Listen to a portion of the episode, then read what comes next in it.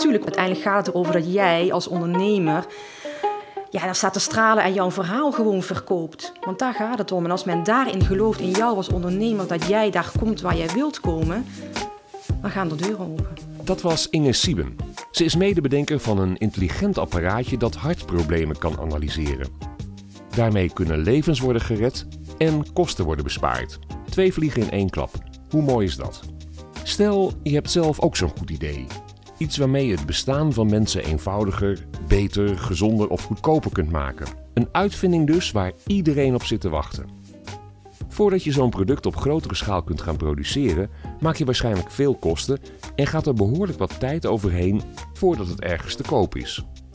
Hoe overbrug je die eerste periode? Waar haal je het benodigde geld vandaan? Hoe zorg je ervoor dat niemand met jouw fantastische idee aan de haal gaat?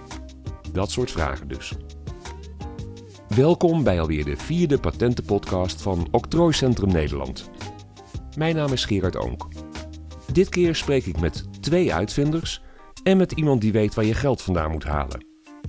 Even voorstellen. Ja, ik ben Inge Sieben. Ik ben samen met uh, Frank Everaerts zijn wij de oprichters en ook eigenaren van Glanum Medical, Glanum Medical Devices en Glanum Diagnostics. Hoi, uh, ik ben Karl Knops. Ik ben uh, elektrotechniekstudent en uh, ik werk met toetsenborden. Ik ben uh, van Gorp. Ik ben investeringsmanager bij uh, Bom Brabant Ventures. En dan is er ook nog de vraag of je een innovatie op de markt wilt brengen om er zelf jarenlang de producent en verkoper van te zijn. Of wil je cashen en ga je al heel snel op zoek naar kopers voor jouw uitvinding. Er is dus veel om te bespreken. Laten we snel beginnen. Ik neem je mee naar de rand van Weert. Daar staat het bedrijf Glanum van Inge Sieben en haar partner Frank Everaerts. Ze hebben een vernieuwde versie van een holterkastje bedacht. Als je nou niet weet wat dat is, dan legt Inge het even uit. Als uh, mensen naar de huisarts gaan en ze denken last te hebben van hun hart, hartjagen of overslagen, mensen die wel eens flauw vallen zonder dat men daar de reden van weet, zou dat aan het hart kunnen liggen. En een huisarts die kan dan inderdaad een holteronderzoek inzetten. En dat is een kastje wat een patiënt 24 of 48 uur draagt en wat het hartritme opneemt. Maar goed, dat is er dus al. Ja. En jullie maken het ook. En jullie noemen jezelf vernieuwend. Hoezo dan? Ja, je kunt natuurlijk niet op. Kijk, een holteapparaat bestaat al. Dus daar kunnen we geen octrooi op aanvragen. Maar aan de elektronica, aan de binnenkant, daar zitten wel wat vernuftige nieuwe dingetjes in.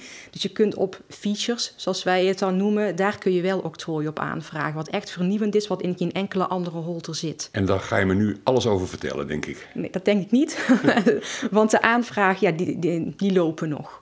Dus ik ga... En zolang mag je er niks over zeggen? Nee, en zolang, hè, zolang die aanvraag niet is afgerond, uh, kunnen we daar nog geen antwoord over uh, geven. Omdat je anders bang bent dat iemand anders jouw ideetje gaat jatten? Ja, en als die dan bewijzen van sneller is, dan uh, zou het natuurlijk erg jammer zijn voor ons. Ja, omdat je hier natuurlijk jaren aan werkt. Ja, dit is echt uh, jaren onderzoek. Wat natuurlijk uh, voortkomt uit onze beide carrières, hè, die we natuurlijk voor Glanum uh, hadden. En dat is eigenlijk allemaal samengepakt, al onze jaren ervaring in dit kastje. Dat klopt. En dat klinkt allemaal vrij simpel. Ik bedoel, je hebt jaren ervaring en dat stop je ja. in één kastje. Maar ik kan me ook voorstellen dat dat financieel best een dingetje is. Dit is hard werken. Nou, zonder dat je op de euro nauwkeurig wat gaat zeggen. Maar aan wat voor bedragen moet ik dan denken? Ja, wat voor bedragen moet je denken als je nu kijkt? Hè? Wij zijn dus in 2018 gestart. We zijn nu bijna eind 2020, dan is er een miljoen daarheen. En dat heb je niet gewoon op je spaarrekening staan? Dat heb je niet op je spaarrekening staan. Nee, wij ook niet. Dus dat is allemaal bij elkaar gezocht door, door de juiste financiële middelen bij elkaar te zoeken, connecties te maken, met mensen te praten, mensen overtuigen, pitchen, want ze gaan voor jouw verhaal. Ze gaan niet voor het product, ze gaan voor het verhaal en het geloof in, in de ondernemer. Want daar gaat het om. En als men daarin gelooft, in jou als ondernemer, dat jij daar komt waar jij wilt komen, dan gaan de deuren open.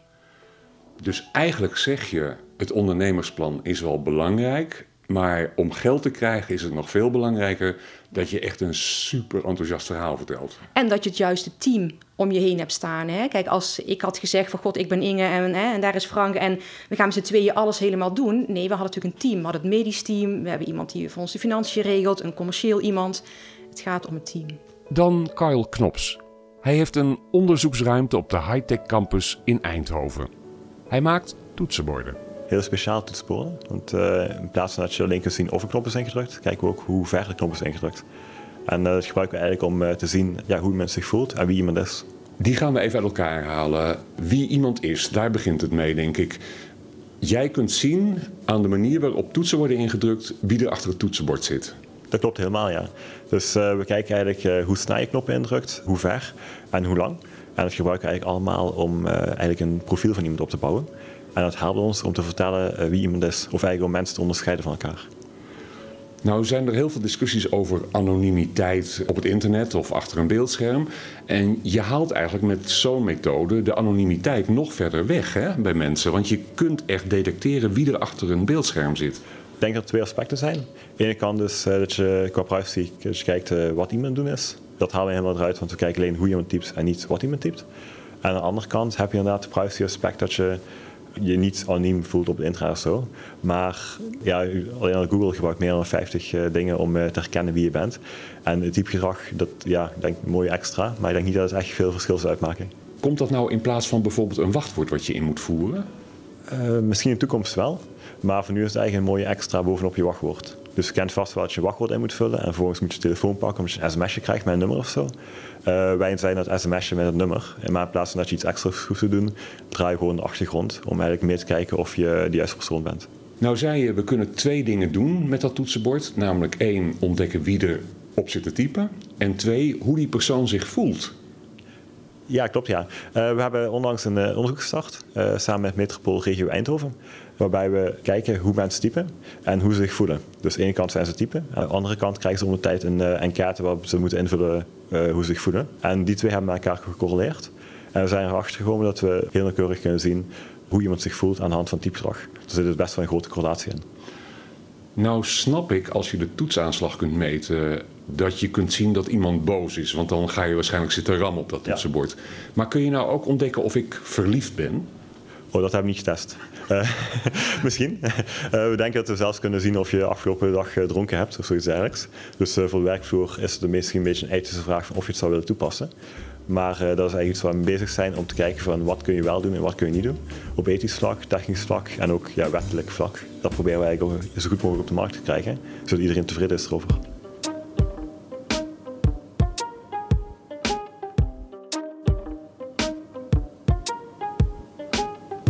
Hoeveel geld heb jij nou geïnvesteerd in deze ontwikkeling? Oef, dat is lastig. Er zijn natuurlijk meerdere stadia en je hebt heel veel go- en no-go momenten. Dus op het moment dat je eigenlijk achterkomt dat het technisch haalbaar is, dan kun je eigenlijk gaan denken van hoe ga ik de markt zetten.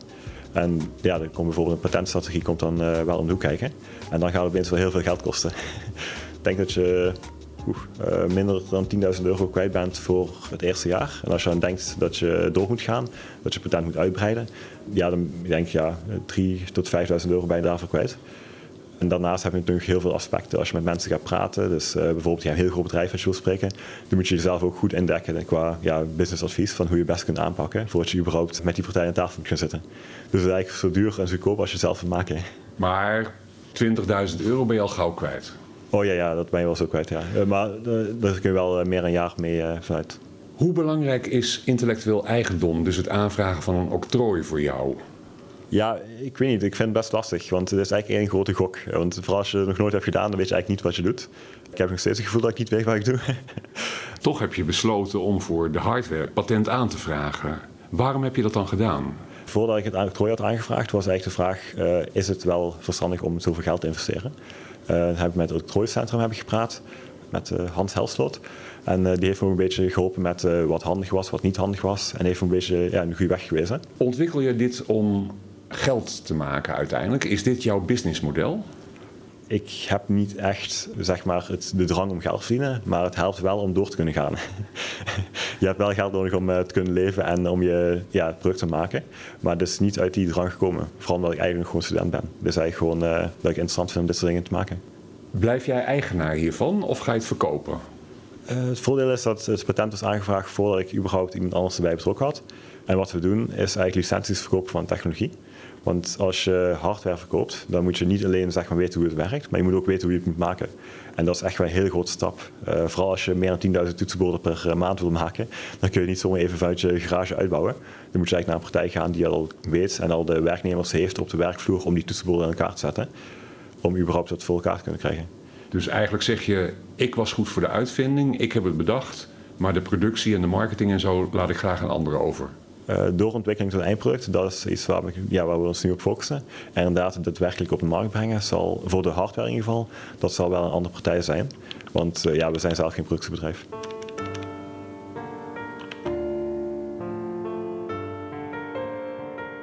Je hoort dat er nogal wat verschil zit in de hoeveelheid geld die de twee uitvinders nodig hebben. Maar in beide gevallen is het toch zo'n groot bedrag dat je wel een extra geldschieter kunt gebruiken. Je kunt dan natuurlijk aankloppen bij een schatrijke oom of een crowdfundingsactie op poten zetten. Maar je kunt ook je licht opsteken bij instanties die start-ups en scale-ups helpen bij dit soort vraagstukken. In Eindhoven zit De Bom. Daar tref ik Sjoerd van Gorp. BOM is een regionale ontwikkelingsmaatschappij. Wij hebben als doelstelling om startende en groeiende innovatieve ondernemingen te ondersteunen. Dat doen we onder andere met kapitaal, maar ook graag met kennis en ons netwerk. Nou is een zak met geld voor heel veel ondernemers, zeker startende ondernemers, hartstikke interessant. Dat is een beetje stroop voor vliegen. Maar jullie zullen wel niet zomaar handenvol geld weggeven. Waar let je nou op op het moment dat er iemand hier binnenkomt? Nee, dat klopt. Wij zijn zeker eh, heel selectief. Dus uh, heel veel ondernemers moeten we helaas ook teleurstellen. Dat komt onder andere omdat we kijken naar hele innovatieve ondernemingen, maar ook naar het groeipotentieel. Dus het moet snel schaalbaar zijn en snel kunnen groeien. Een aantal dingen die er daarbij komen kijken is onder andere het team. Zijn de mensen in staat dat te doen? Is het product goed genoeg gevalideerd om bij de markt te passen? En kunnen we zorgen dat het product ook een unieke positie houdt? Een van de dingen die daarbij komt kijken eh, zijn patenten of andere ja, manieren om je product te beschermen. Dus voor een startende onderneming is het, als ze bij jullie aankloppen, hartstikke belangrijk dat ze een octrooi, een patent hebben. Uh, hoeft niet noodzakelijk een octrooi of een patent te zijn. Het moet een duidelijke positionering in de markt zijn. Een patent kan daarbij helpen. Dus dat is een van de onderdelen die zou kunnen helpen om je een stukje bescherming te geven. Maar dat kan ook op een andere manier. Dat kan ook door een sterke klantenbasis te hebben die je kan verbinden aan je product. Dus dat ze niet snel zullen stoppen met jouw service. Dat kan zijn door uh, bepaalde geheimen, uh, trade secrets te hebben in je bedrijf. Waar je zorgvuldig mee omgaat. Kan ook zijn door bepaalde copyrightrechten. Er zijn allerlei manieren om je producten te beschermen. En barrières op te werpen voor je concurrenten. Dus het gaat ons meer om het, het verhaal eromheen en je gedachtegang. Hoe doe je dat? Ben je in staat dat te doen? Heb je erover nagedacht? Voor deze podcast heb ik twee uitvinders gesproken en die zeiden eigenlijk onafhankelijk van elkaar dat er aan het begin wordt gevraagd om een businessplan, maar dat het vaak nog veel belangrijker is hoe enthousiast je jouw verhaal kunt vertellen en of je een goed team om je heen hebt. Hoe belangrijk is het voor een jonge startende ondernemer om heel enthousiast een pitch te doen? Um, enthousiasme is denk ik uh, essentieel. Als je niet enthousiast bent, dan um, hoe kan je aan iemand anders vragen om daar ook enthousiast over te worden? Dus je moet het zelf uitstralen, je moet erin geloven, je moet laten zien. En vaak als investeerder werkt dat aanstekelijk. Dus ja, je wil daar dan onderdeel van worden en daarin meedenken en een ja, stukje van je eigen kennis en expertise aan toevoegen. Als je nou een soort van balans zou moeten opmaken, wat vind je dan belangrijker? Een businessplan of het enthousiasme tijdens de pitch? Uh, uiteindelijk begint het met enthousiasme in een pitch en, en een businessplan volgt later in een proces. Er zullen altijd stukken aangeleverd moeten worden, de onderbouwing moet erbij zijn. Um, dus om uiteindelijk succesvol te zijn, het hele traject van financiering te doorlopen, zullen ook andere zaken van belang zijn. Maar uh, ja, het is een samenspel, dus ik kan niet zeggen dat één zonder het andere gaat.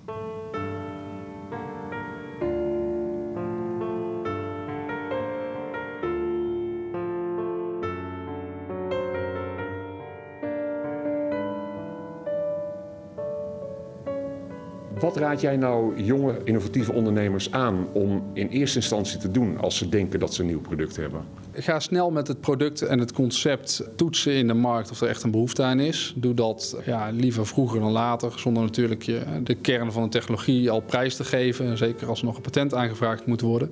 Maar kijk wel of die behoefte er echt is en of die markt er wel is. Dus hoe eerder je daarmee start, hoe uh, mooier dat uiteindelijk kan leiden tot een product wat heel goed aansluit bij, ja, bij die visie van die ondernemer. Maar hoe check je nou of iets in de markt gewild is? Ja, dat is een hele complexe vraag. Maar uiteindelijk moet je iets vinden wat natuurlijk door een bredere groep gedragen wordt. En bijna iedereen heeft wel een paar mensen die heel enthousiast zijn over het product. Maar dat is vaak niet de kern van je markt of de hoofdmotor van. Dat kunnen ook de mensen zijn die überhaupt heel enthousiast zijn over innovatie in het algemeen. Ja, dat is toch een kleinere groep dan soms een grotere, conservatievere laag. Dus ja, daar moet je ook methodes voor ontwikkelen en mee aan de slag gaan. Maar dat is ontzettend lastig, want je wilt ook je nieuwe product niet al te veel prijs geven nog. Dat is zeker heel erg lastig. Dat is een heel, heel complex vraagstuk ook. En dat is er denk ik ook een uh, waarin de mooie proposities uiteindelijk gaan weten te onderscheiden door wel daar de vinger op te krijgen. Wij bieden daar trouwens ook een programma voor aan om op die manier aan de slag te gaan. En niet zozeer om die vragen op te lossen, maar wel om de tools te geven om daarmee aan de slag te gaan. En hoe je dat aan zou kunnen pakken.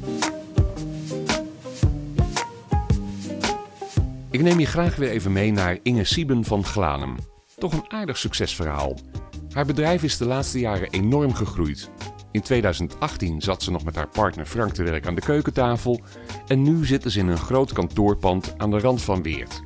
Zo'n groei kan Inge toch niet hebben gedroomd? Nee, hè? je maakt een plan en je weet ook natuurlijk het stipje aan de horizon, dat is duidelijk, maar die weg daar naartoe en hoe snel dat dat gaat, dat is altijd moeilijk om dat in te schatten. Maar als je de groei gaat maken, dan ja, voel je vanzelf van god, er moet wel, deze persoon moet erbij, want anders dan red ik het niet. Ja. Maar betekent dus dat je eigenlijk heel leuk een idee zit te verzinnen voor een holterkastje en hoe je met de data die daaruit komt om wilt gaan. Ja. Maar plotseling zit je met 20 man personeel uh, op de loonlijst. Nee, ik heb ze niet op de loonlijst. nee, het zijn uh, mensen werken als ZZP'er bij ons. Dus ook allemaal part-time, zijn geen fulltimers. Nee, maar omgaan met personeel is toch echt wat anders dan een ideetje verzinnen? Nou, dat is ook zo. Dus ik heb ook heel veel taken erbij nu hè, als CEO die ik... Um, had mij dat drie jaar geleden gevraagd. Had ik zeg, oh, dat, daar weet ik eigenlijk niet zo heel veel van. Maar met je gezond boerenverstand kom je een heel eind. Echt waar. Ik heb uh, heel veel bijgelezen, heel veel geleerd op juridisch vlak, op financieel vlak. Dus dat doe je. Ja. Maar ik kan me ook voorstellen dat je op, ik zal maar zeggen, een sombere, regenachtige zaterdagmiddag denkt van dat ideetje verzinnen vond ik wel leuk, maar alles wat daarna kwam was wel een beetje veel werk en iets wat ik nooit had verzonnen. Ja. Wil ik dat eigenlijk wel? Oh, zeker. Deze reflectiemomenten, die hebben wij ook zeker. En dan hebben we het er met z'n tweetjes, hè, in eerste instantie natuurlijk over als zijn de eigenaren. Uh, van ja, waar gaan, willen we dit en past dit bij ons? En iedere keer is de drijfveer zo groot dat we zeggen, jawel, want dit willen wij. We, hebben, we willen het gewoon echt naar die huisarts brengen. We willen dit gewoon doen. Overweeg je ook wel eens om iemand anders te vragen die in al die andere dingen goed is, om het bedrijf gewoon van je over te nemen of het product? Ja, zeker. Wel op langere termijn. Nu zijn we daar nog niet klaar voor. Hè. We willen eerst de stap van de commercialisering willen we echt maken. In de markt zetten en ook het marktaandeel vergroten. Maar dan denk ik ook dat wij in ieder geval andere functies binnen ons bedrijf zullen krijgen. Ik ben niet opgeleid om een groot medisch bedrijf te leiden. Dus, en er zijn natuurlijk mensen die daar heel veel ervaring mee hebben en die dat dan veel beter kunnen dan ik dat kan. En is dat dan jammer als je dat dan bedenkt? Van, want dan geef je toch eigenlijk een beetje een kindje weg? Dat heb ik wel altijd gedacht dat ik dat heel jammer vond. Vooral toen we startten wilde ik daar ook nog niet over nadenken. Maar nu ik verder kom en zie wat voor bergwerk en wat voor specialisatie er nodig is, dan is het goed. Dan is dat uh, voor Glanum goed. Dan hoef je niet stiekem te huilen? Nee, hoef ik niet stiekem te huilen. Nee. Dat was hem weer. De patentenpodcast nummer 4 van Octrooicentrum Nederland. Leuk dat je hebt geluisterd. Blijf ons volgen via de gebruikelijke podcastkanalen of via de website rvo.nl. Op die website kun je ook informatie vinden als je geld nodig hebt voor je plannen. Kijk maar eens onder het kopje subsidies en financiering. Graag tot aflevering nummer 5.